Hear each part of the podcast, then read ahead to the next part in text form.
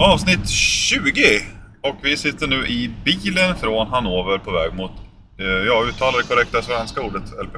Ja, men du säger egentligen bara bitch. Bitch. Eller bitché. Bitche. Ja.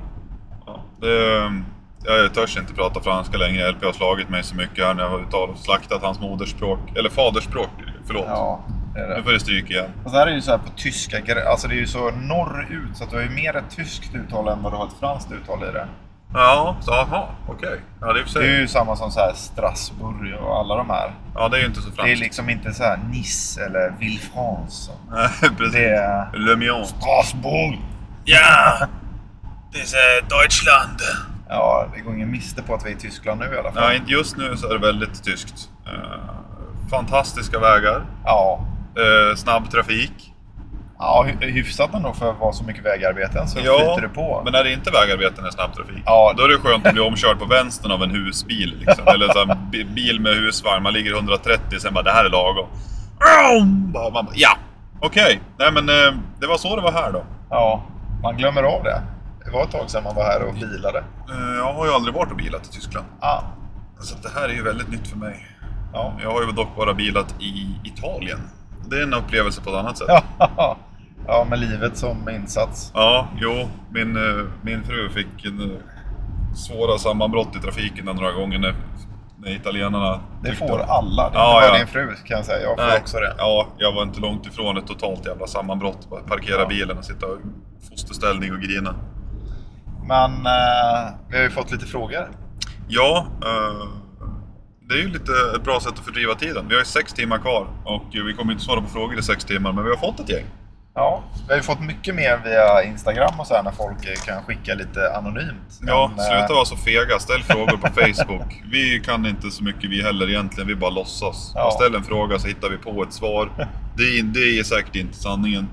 Men eh, vi, vi tror att vi kan jättelite. Ja, Då börjar vi då med den första frågan. Vad har ni för mental och fysisk uppladdning till denna historiska händelse?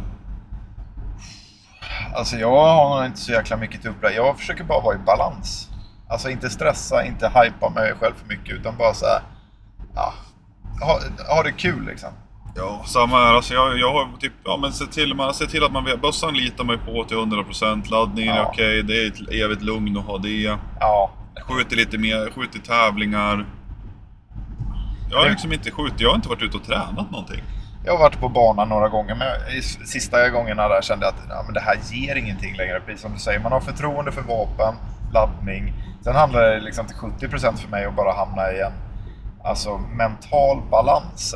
Där man är så här, jag tycker det här ska bli så jävla kul att åka. Men jag är inte så här, jag sitter och skakar av taggning liksom. Utan, nej, men jag, Pagga! Ja, men nej, inte riktigt så. Men jag menar, fan som nu, alltså den här uppladdningen är ju som vi. Alltså vi, vi tar det jävligt lugnt när vi åker dit. Vi sover igår. Alltså Radisson, jävligt gött ställe liksom. Bra. Trevligt, trevligt hotell, god mat, Ja, men alltså inte stressa liksom. Bara så här åka och njuta av det här. bastu och pilsner liksom. Ja.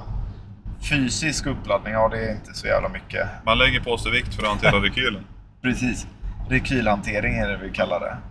Jag eh, tog ju äntligen eh, Isakssons eh, råd där och började gå till en kiropraktor för att trycka ut min kära rygg.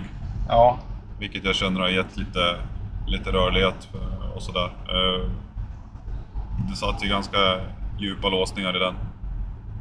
Det, det är någonting som, det är väl den närmsta man ska säga som fysisk uppladdning. ja. Annars är det ju alltså vad, balans, vätskebalans, matbalans, sömn, allt det här. Det gör ju jävligt mycket. Alltså dagarna nu här nere. Alltså en öl eller två liksom max liksom. Ah, ja. Sen är man ju nöjd inför matcherna. ja. Inte sitta och trycka i sig för mycket grodlår även om det kommer att vara svårt att motstå.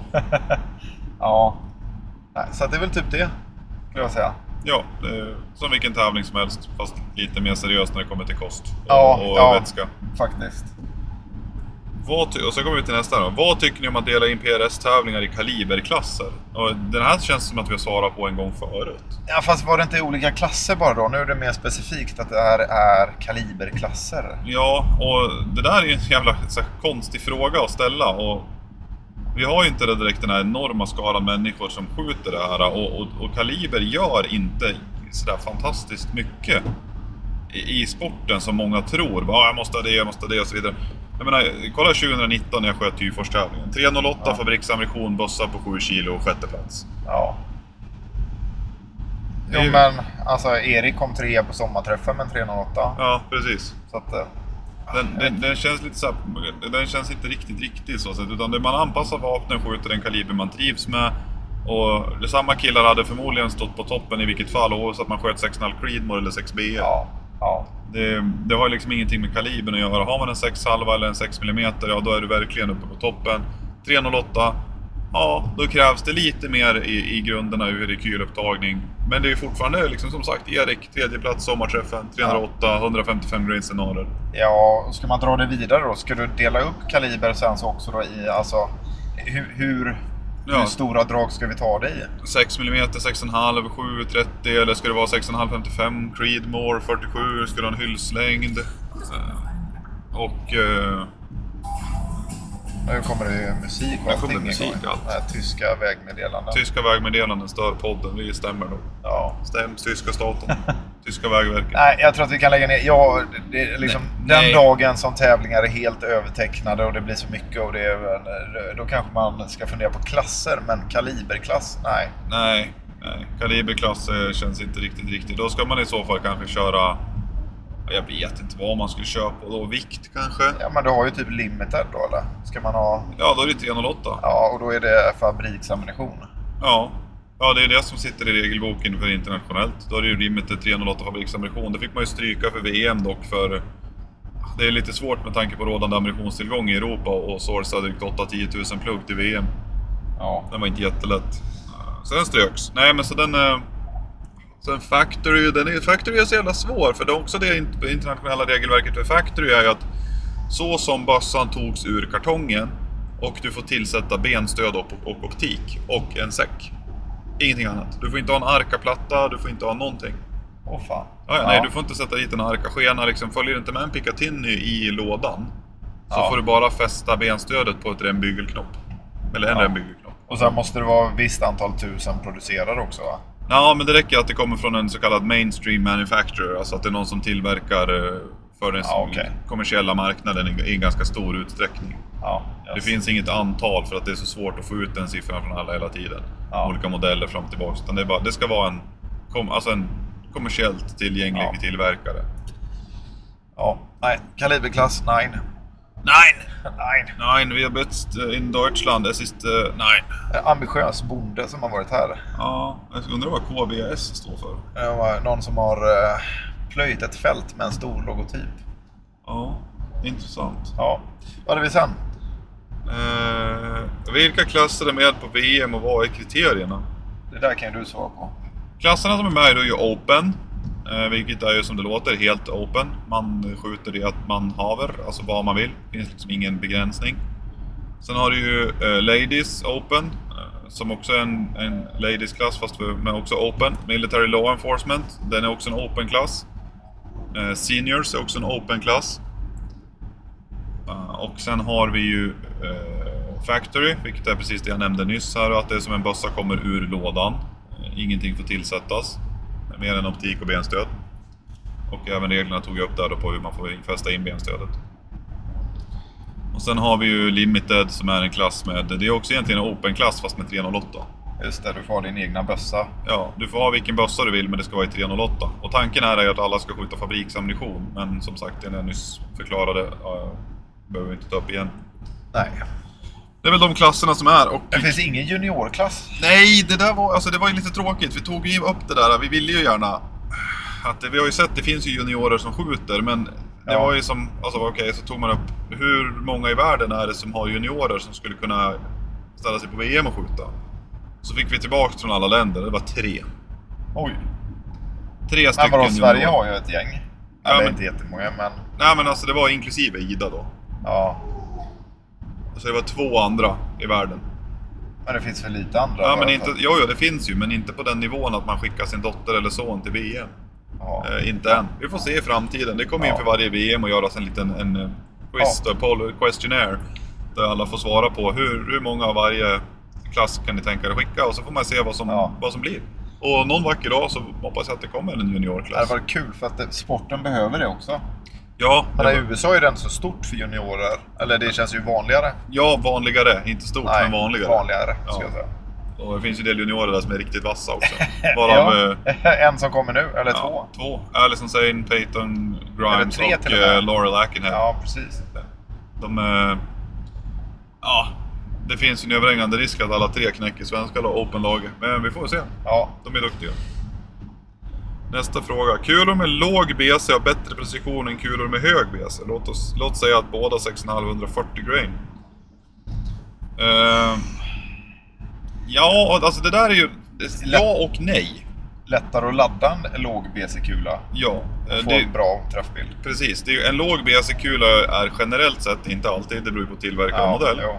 Men eh, är ju generellt lättare att ladda bra till. Den är mindre Ja. känslig. Och ju högre BC du har på ett visst grain, desto lurigare blir det. Alltså det här är också så här lite mellan tummen och pekfinger. Vissa kuldesigner är lite lurigare, andra är lite lättare. Men det generella är att då går du upp i riktigt, riktigt högt BC så kan det vara lite svårare att få till en bra träffbild. Det kan Eh, väl vara problemet när du köper färdigladdad ammunition med hög BC-kula. Ja, då kan det vara ännu För känsligare. då behöver du ju antagligen någon form av eh, barrel tuner för att den ska matcha din. Ja, men precis. Nej, det där är... eh, Oj, det där var en intressant trafikhändelse. Jävlar. Ja, han ska ut här i den Han skulle bilen. ut. Det var Last- ingen snack om den saken. Nej, nej, nej. Han ska ut där. Det Ja. var lastbil. Ja.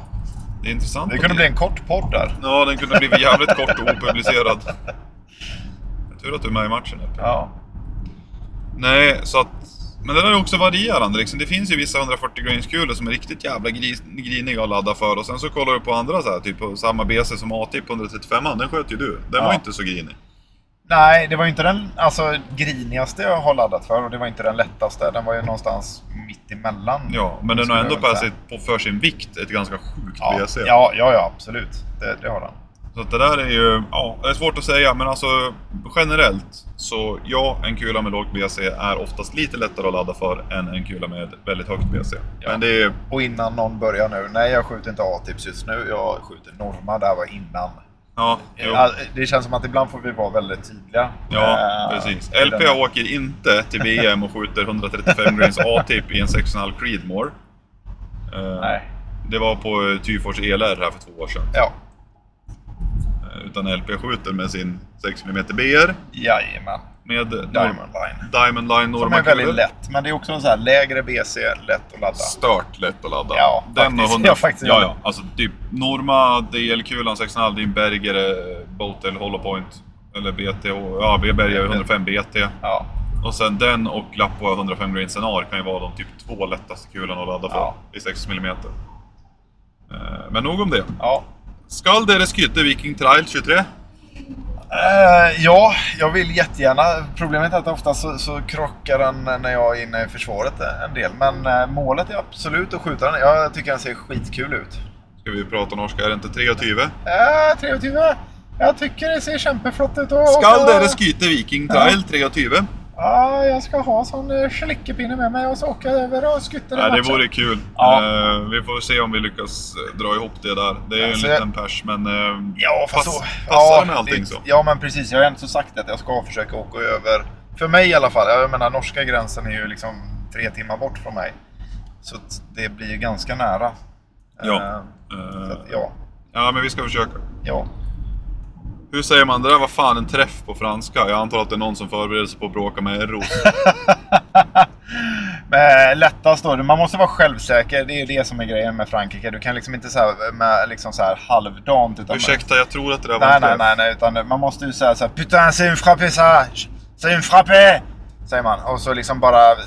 Viktigt är, man får inte med det här på podcast, men du måste också vifta med handen liksom och så svära lite och vara självsäker. Precis. Och vad var det man skulle säga? Alltså jag tror att de ändå så kommer förstå om man säger impact, fast du måste säga på franska så är det impact. Precis. Bant. Och hur svär man lite åt Eron då? Ja, men alltså lättast är så milt så här, det är bara putain. Liksom, Putain. det, det är fan liksom så här. Ja, fan. Putain, en bant! Ja. Eh, ja, det kommer... Uh, what is a woman? Det, din fru skickar så mycket fru, frågor här. Så att, Ja, eh, men ja. däremot är det en sjukt bra dokumentär. Som jag, eller sjukt bra, jag såg bara trailern. Jag vill jättegärna se dokumentären. Den är ganska, det är väldigt intressant. Den tar upp om eh, en, eh, en, en, en, en folkrörelse skulle jag vilja säga i USA där man vägrar definiera vad en kvinna är. Ja. Alla är rädda för att definiera vad en kvinna är för någonting på, på den, en viss sida av politiken som inte är republikaner. Nej. Ja, sevärd. Mycket sevärd. Eh, vad åt ni till lunch? Eh, ja. Det var Burger King vid Border Shop. ja, just det. Ja. Jag fyllde på med lite, tog lite öl. Ja. Var är ni? Just nu mellan, eh, vad kan vi säga, Två, en, en och en halv timme söder om Eh, Hannover. Dorfstrasse. Ja, fast det är en gata. Ja, det är det. Men det, är ju där vi är typ. Ja, eh, söder om Hannover. Ja. PRS övning som ger mest bang for the buck. Du får bara välja en. Alltså jag gillar ju de här med många olika... Alltså om du säger, vi säger på banan. Ja men på banan, ja men precis. Alltså jag gillar en sån här barrikad där du har allt från så här perfekt knästående upp till perfekt stående och däremellan. Så du liksom, ja men typ såna här pinnar eller karatepinnar där du måste vara så här lite obekvämt för att vara knästående. Alltså någonting där du tar typ ett skott från varje position och du får öva på många olika positioner. Inte bara en skill stage där du typ sitter perfekt på knä och sen står du perfekt där. Nej, nej. Utan du är i gränslandet. Jag skulle, jag skulle nog säga att man gör en, en trappa, typ, alltså en barrikad som en trappa. Ja, men precis. Och sen så med typ fem höjder på varsin sida. Vi har ju en sån på klubben. Eh, typ en sån jag menar. Ja. Men det jag tänker, det som jag skulle säga som ger mest bang for the buck, det är att sätta upp eh, och skjuta det på papper på 100. Ja. Ja. Det är alltså att sätta upp en sån här craft challenge eller någonting som är, som är graderad, eller bara en, en eh, nationell pistoltavla eller någonting. Och sen eh, 10 Ja. på 10 positioner och sen bara ta den absolut svinlugnt och sen se till att skjuta, försök skjuta en tät grupp från ställningarna. Men det gör så jävla mycket. Jag har ju upptäckt det här ganska sent med att skjuta på papp. Jag gjorde det sist jag var och nollade också. Liksom bara för att se så här, okej jag nollar med benstöd och sen skjuter jag liksom en barrikad från 100 på papp också. Eh, och se så att det är lika. Men just att man får en direkt... Alltså, till slut blir det svårt på en plåt. Var jag bra på den eller var jag inte bra på Träffar den? jag liksom? ytterkanterna? Var det högt? Var det lågt? Rev Ja. jag? Alltså det blir så här, man bara... Ja. Men på papper, det blir så här, det, det blir ju alltid... Det Ja. ljuger ju inte. Nej. Du ser ju om du drog av en. Hade du sett på plåten och det var en träff, men du vet inte riktigt vart. På Nej. pappret ser du ju. Ja, ja. Var det en träff där jag tryckte av i mitten? Nej, den stack höger högt upp. Varför gjorde den det? Analysera. Ja. Byt position på påsen, byt position på knät, justera, skjut igen. Nu stack den inte. Okej, eh, vad gjorde jag annorlunda som gjorde att den inte stack? Ja, men det här. Grattis, då Ja. vet du vad du ska göra på tävlingen. En trappa med typ fem positioner mellan knästående upp till ståendes och så på papper. 100 meter. Ja, Bästa. Det kan ju alla göra. Alla kan göra det. Ja. Vad tycker ni om 6,5 Creedmoor som jaktskaliber? Skitbra. Ja. Jag tror att den bara kommer komma mer och mer och mer. Ja, Eh, det- alltså den är ju 6,5-55 fast i en kort förpackning. Jag menar, jag, har, Ja. jag vet inte... Ja. Jag, vet, jag, Det- jag tror inte att jag har skjutit tvåsiffrigt med älgar med 6,5 men det är nog inte långt ifrån. Nej, alltså det var väl som vi sa sist också. Liksom. Ska du kombinera PRS-bössa, jaktbössa. Hur många älgar har inte blivit skjutna av en 6,5 i det här landet? Massvis. Så, ja, Creedmoren, det är enkelt. Du kan hitta det överallt just nu. Nej, jag tycker det är en, en fantastiskt bra. Som Ja. sagt, vänta på min pipa. Och håller man på och handladdar så finns det liksom, du, det är liksom folk Ja. ja. jag kommer aldrig kunna ha klass 1 med kort pipa. Jag gjorde det där testet, jag drog det i så här quick load eller vad jag på då, eller Ja. om det var Gordon, jag kommer inte ihåg. Och körde du en 45 pipa, så laddade du med typ en 156 grains mega. Så var det typ, du kunde köra en mild laddning. Ja. Lå, mild till, alltså me- medium. Och det var fortfarande klass 1-laddning. Ja. Så det där är ju bara ett jävla skitsnack Ja. från folk som inte vet vad de pratar om. Ursäkta, nu var jag sådär fint ödmjuk igen. Men håll käften om att klass 1 inte uppnås med 6,5 kalibrar. Ja. Vem av er skiter mest på roadtrippen? Behöver vi ens svara på det? Det är ju klart som det är jag. Tarmtummar. Ja, jag behöver inte ens gå in på det. Eh, hur mycket behöver vi vikta bilens vänstersida när Anders Modig sitter på högersidan? Alltså om man ser till hans densitet kontra arean upphöjt i pi så bör ni ha ungefär 4 till 600 kilo på vänster eh, bakaxel. Precis, jag, jag har sett fyra bilder från den bilen nu. Och han har suttit i varje säte för att stabilisera ut stötdämparna. Ja, för att han inte ska slitas ojämnt. Nej, det är hårt. Förlåt, hårt liv. Anders. Ja, nej, det är så. Det är, det är hårt när ens liv går ut på att göra andra glada. Ja. Det är ditt livskall, Anders. Folk som skjuter pistol är duk... Oh, Okej, vänta. Folk som skjuter pistol, inom parentes, är duktiga. Är överlag bättre skyttar i allmänhet. Eh, alltså, en bra pistolskytt har ju mycket bättre det här med siktbild och, och ett, ett bra avtryck. Ja. Eh, Så jag skulle väl säga liksom att om du har en bra pistolskytt så kommer han att skjuta... Han kommer förstå vikten av ett bra avtryck. Ja, Eh, Men det är inte alltid att du behöver ha det här extremt bra trycket. Det beror på vad du har för trycken. Men eh, jag skulle säga att det är lättare att lära en rutinerad pistolskytt och, och göra en, en korrekt avfyrning. Ja, eller ja, jo Men det är det så ju. Men det, mycket vad, jämför man med? Liksom, Ja. En helt otränad Jägare. Liksom, jägare? Eller ska vi börja prata typ fem, Viltmåls... ja, 50 alltså, meter korthållsskytt? Liksom, Och då börjar vi snacka avtrycksdisciplin. Ja, så att jag, jag, jag kan nog inte säga att det är Nej, liksom så att- generellt bättre. Nej. Alltså tar du en, en rutinerad pistolskytt eh, som skjuter nationell precision då. Och så går, tar du en nationell, eller någon som skjuter för 50 meter frigevär. Ja, Så det är samma sak. Du står med ett riktigt, riktigt känsligt tryckes och en bössa som är extremt eh, beroende av att du gör ett, en bra avfyrning. Ja. Så kommer du från gevärssidan och är riktigt bra eller kommer från pistolsidan så skulle jag nästan vilja säga att en, en riktigt, som jag säger, att den är förutsatt att den är duktig. Så skulle jag ändå säga att en, en duktig skytt som kommer från eh, 50 eller 300 meter eh, det är ju van att hantera ett gevär och har redan det där bra avtrycket. Så om vi säger att bägge är lika drillade inom Ja. sin respektive gren så skulle jag inte vilja säga att pistol överlag är bättre. Nej, jag tror inte. Men, vi är inga experter på det här, men det här är vad vi tror. Nu killgissar vi. Ja, alltså vi kill, hela livet går ut på att killgissa. Ja, för de som inte förstått det. Ja, det, tyvärr. Jag är ledsen att göra er besvikna. Ja, Uh, har Macke hunnit slarva bort mitt slagstift? Nej, rappen. Det har jag inte hunnit gjort. inte än. Inte än. Det finns mycket tid kvar. Ja, M14 gånger en gänga på 22 mm pipa, funkar det? Eh, ja, alltså det funkar ju, men det är inte...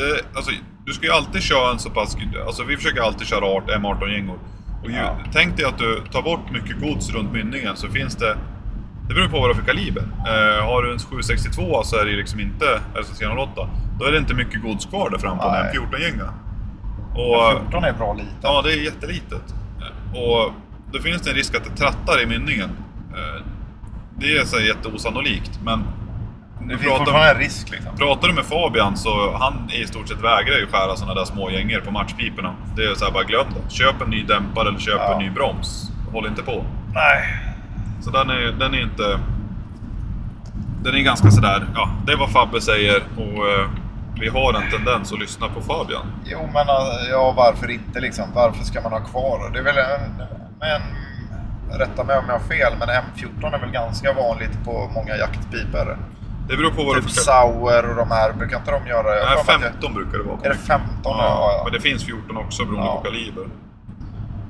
Eh, Det var alla Instagram-frågorna i alla ja, fall. nu har vi väl i alla fall... eh, Det var ju några, på, det var inte jättemånga på Instagram, alltså man märker det så fort det är Facebook och folk ska outa sig. Det var väl, eh, är det Backer som hade en, den var ju faktiskt en bra fråga. alltså vi har ju också en viktig fråga här. Vems brillor är snabbast? Jo, men det, är det ens en diskussion? Alltså det är ju Pit Viper. Pit Vipers, det är mina Pit Vipers. Det är de snabbaste brillorna. Ja. De är jävligt snabba. Det är så jävla Mina snabbt. eh, Costa-brillor kan ju bara typ snigelfart i jämförelse. Ja. Så den är, den är färdig. Ja. Hur väljer ni mellan frirekyl och ni skjuter som vanligt? I vilka lägen barrikader väljer ni vad och varför? Fördelar och nackdelar? Eh, jag brukar välja frirekyla. Alltså jag har ju fortfarande... Alltså, det är väldigt sällan jag kör helt frirekyl. utan Ja. Man, man kopplar bara bort sig. Och det gör jag när jag känner att jag inte kommer in i en position, till exempel i Norge där när jag upp när jag skjuter från eh, flaket. Ja. Jag kom ju inte ner i en vettig position. Jag kunde lägga bössan stabilt på säcken på sidan. Men jag kom inte ner i en sån position för att ha en bra rekylupptagning. Nej. Och då offrar jag det för att kunna ta skotten. Eh, Det är alltid ett avkall man gör. Vill- Ja, ja, absolut. Ja. Och fri rekyl är ju bara en lösning på att du inte får en stabil position från en, en stadig, ett stadigt hinder. Ja, och det du tappar är ju förmågan att kunna observera. Alltså är det kortare håll så kan det ju vara svårt om du frirekylar och hinna se var din träff är. Ja. Eller miss. Ja. Det, är ju det avkallet du får göra. Precis. Och det är ju, man hoppas ju liksom, ofta som det är som du kan välja tre positioner och starta ifrån och du vet att en av dem är stabil och två är mindre stabila. Då börjar man alltid med den stabila och har en riktigt rejäl rekylupptagning och så, så Ja. får man observera hur tar vinden, vart tar det och så vidare. Ja, Lära sig hur det är just nu. Och sen skjuter man de andra som, som du kan kanske behöva offra din rekylupptagning på. ja men precis. Eh, Så att fri rekyl är ju liksom någonting man väljer för att, för att ja, man gör avkall på en, på en bra rekylupptagning och att man inte ser riktigt vad som händer där nere. Det, men, men det är ju sällan den är helt fri, utan det, man kopplar ju bara bort Ja, lite grann. Och då brukar ju liksom den där lilla knuffen in i axeln, förutsatt att man inte kör på maxförstoring, så kan man ju ofta ändå se vart det tar. Ja, jo det kan man. Är det lite, eller, alltså normalt så kan man väl ändå göra det, men det, det kan hända att du får en liten Ja. knuff på det. Och det var väl egentligen... Eh, vi får tacka Fredrik Backer för den eh, enda vettiga frågan på eh, Facebook. Jag ber om ursäkt till alla andra, typ Rasmus, vem blir Innesked? Ja, Eh, sen vad har vi mer här nu? Eh, nu blev det lite... så det är de här tyska trafikmeddelanden och så kör de igång med ABBA innan. Det är lite annat i Sverige med den här da, da, det här jävla ljudet. Det var ju Cyndi Lauper nyss. Ja, det var, nu var det ABBA och sen var det Girls Just Wanna Have Fun. Eh, till en trafikolycka liksom. Ja. Undrar hur fort de tjejerna hade kört. Undrar om det är en peak med att, att det var en kvinna som hade krockat där. Eh, skulle kunna vara. Det väldigt, kunna vara. väldigt tyskt. Ja, väldigt tyst är det. Eh, Men eh, då har vi svarat på ett gäng frågor och det känns ju som att vi är förhållandevis klara. Ja, det var bra. Vi har lite tid där i bilen. Ja, vi är framme strax efter lunch i Frankrike. Ja. Rätt skönt att komma fram en dag så här. Kunna åka och handla, fixa, göra sig i ordning, kolla över allting, installera sig i huset. Ja. Så man liksom är helt piano, även om det inte är någon stress nu. Lördag, söndag är ju väldigt lugna dagar. Så är det så skönt att komma fram i tid och vara utvilad. Akklimatisera sig, köra Ja. lite sådär, ta det piano. Bo in sig i huset, liksom, ta bort alla störningsmoment som skulle kunna uppstå. Och eh, ha god planering med kost och vatten och så vidare på plats. Så att man inte kommer dit och glömt någonting. Man börjar se över all utrustning i lugn och ro multipla gånger. Och, Ja. Sen är det ju liksom, det här är för mig i alla fall ett stort socialt event. alltså, det ska bli så jävla vill ha kul. tid att träffa skyttar från hela världen och köta med dem. Ja, det var ju någon, någon som gnällde. Det finns en stor chatt på WhatsApp för alla skyttarna där det är helt drö. Det är så mycket folk där inne nu så det är Jag helt mutar den direkt. Ja, det gick det bara, det bara exploderade. Länken bara gick viral bland skyttarna och sen så bara ja. Och då var det någon som bara men det är ju två timmar lunch på dagen, vilket slöseri med tid och resurser och så vidare. Man bara, men är du helt så här, va? Vi är folk från hela världen som är där och med samma intresse och många av människorna, vi är liksom identiska på så sätt. Och, och då kan man ju fokusera på skyttet och sen vet man att vid lunch då har vi två timmar för att socialisera och äta mat och sen framförallt liksom, det är Frankrike. Det är som du Ja. sa. Det, Allt det stannar, ja, ja, det stannar. Allt stannar. Två timmar på lunch. Jag vet inte, vad, vad vill du göra? Så här, ah, det slutar 16. Jaha, eller det slutar 17. Så här, du är fortfarande fast i Frankrike liksom. Varför inte njuta av, liksom dra ut på den här eh, upplevelsen lite extra? Ja, ja, ja. Ska du åka hem till hotellet sen klockan 16 och bara så här, Dricka ja, bärs. Ja, nu kan jag dricka bärs igen liksom. Ja. Nej, jag tycker det är skönt som fan i alla fall att man vet, precis som du säger, det är två timmar dedikerat till lunch. Ja, men då kan man träffa alla, köta igen och så när man då väl man, skjuter, man då går upp, man liksom. tryck, trycker i sig lite käk, alltså blodsocker hinner plana av innan det är dags att skjuta igen. Liksom man kan se till att få i sig en riktig mat. Och du vet, så här, det, är, Ja. det är så jävla franskt. Ja, Det enda som saknas är väl att det skulle vara vin till lunchen också. Men Ja, jag är fast högt det- skeptisk. det är inte omöjligt skulle jag säga. Det är Nej. inte omöjligt att det finns. Ja, det är Frankrike. Ja, men alltså de, de ser nog inte ett... Alltså grejen är att där kan du ju fortfarande kontrollera dig. Alltså, de franska skyttarna tar kanske ett glas vin. Sen är det bra. Ja. Men vi från Sverige, alltså har du servering, då går man ju... Man ska ju få valuta för pengarna. Man ska få valuta för pengarna liksom. En bärs blir lätt sex bärs. Ja. Det är, en, det är en liten annorlunda alkohol, alkoholkultur. Ja, det kan man väl eh, säga. Men du, nu bryter vi här för det har gått 29 minuter och 29 sekunder. Ja. Så att då blev det en fin liten 30 minuters carcast. Och ni får gärna höra av er och lämna lite kommentarer på hur ni tyckte ljudet var. Asfaltskvaliteten och vädret har ju under inspelningen varierat kraftigt. Så att eh, Eh, ja, säg till vad ni tycker och om ni tycker att det här var schysst så kanske vi får köra Carcasts eh, fler gånger. Ja, Istället för miles to matches som vi sa igår så blir det mil till matcher. mil till match ja. Eh, hoppas inte de har gjort någon copyright på den där. Nej, så kommer stämningsansökan på posten. Bara, Ja, nej, färdigt. Blir crowdfundad för att man ska kunna bo i tält resten av livet. Ja, Eh, ha det gött allihopa. Två kilometer. Precis, håll vänster om två kilometer. Ja. Eh, adjö! adjö.